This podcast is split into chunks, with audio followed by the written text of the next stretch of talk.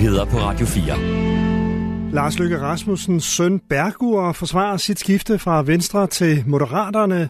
Bergur Løkke Rasmussen meddelte partiskiftet på Facebook i aftes. Han blev i 2019 ved Europaparlamentsvalget første suppleant til Venstres gruppe. Da Søren Gade blev valgt til Folketinget i november, overgik hans mandat til første suppleanten. Bergur Løkke Rasmussen føler sig mere hjemme hos Moderaterne, siger han til Radio 4. Der er 11.615, så vidt jeg husker, øh, som øh, stemte på mig person. Derved blev jeg første supplant. Og da Søren Gade og Linnea øh, Søgaard Liddell tog hjem til Danmark til Folketinget, så kom jeg i Europaparlamentet. Ja, altså det var ikke nok til at komme ind i første omgang. Og så, så fik du så øh, Søren Gades plads. Jamen altså, jeg har valgt at skifte øh, politisk ståsted, fordi jeg har fundet et sted, jeg føler mig mere hjemme. For cirka fire måneder siden var han venstremand, fortalte han Radio 4. Når man som, øh, som søn af en øh, toppolitiker, som samtidig også er ens politiske forbillede, vælger at forlade det parti, man har været i, og stifte et nyt parti, så sætter det der nogle tanker i gang. Men den tankeproces er endt i, at jeg, som vi lige har talt om, stadig er medlem af Venstre. Jeg skal til regions, hvad hedder det, til Europaparlamentet for Venstre, og jeg bliver i Venstre.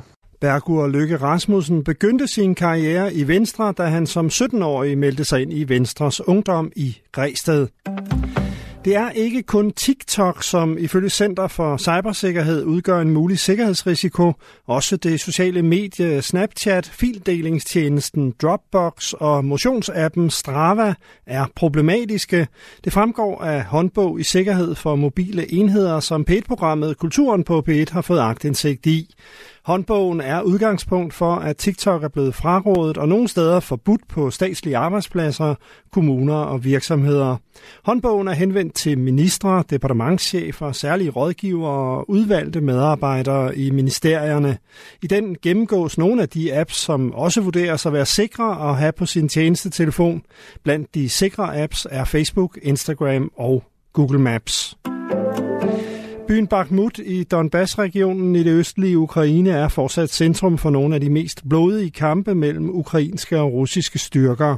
På det seneste er kampene i byen taget til, fortæller journalist Stefan Stefan Weigert, der befinder sig i en by tæt på fronten. Der ser jeg jo uh, soldater, som kommer tilbage fra for eksempel fra, fra Bakhmut, hvor der er rigtig hårde kampe, og som, uh, som er rigtig rystet over, over det, de, det, de oplever, altså hvor hårde de her kampe egentlig er. Uh, og dem, der kommer tilbage, er utrolig glade for overhovedet at være i live. Tusindvis har mistet livet i kampene i og omkring byen.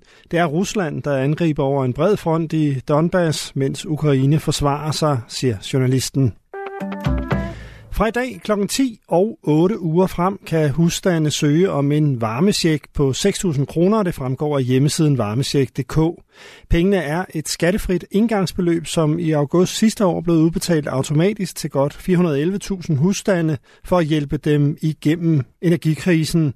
Ansøgningsrunden kan benyttes af de husstande, som er berettiget, men som ikke fik hjælpen udbetalt sidste år. Varmesjekken har været hæftigt debatteret. Den daværende S-regering modtog en masse kritik fra politiske modstandere, fordi det viste sig, at der var husstande, som modtog de 6.000 kroner, hvor, hvor det måske ikke var efter hensigten. Tidligere i år blev det slået fast, at op mod omkring 10.600 husstande fejlagtigt fik udbetalt en varmesjek. Først skyde med regn, men i løbet af dagen opklaring fra nordvest. Temperaturerne falder til mellem 1 og 5 graders varme, jævn til hård vind fra sydvest.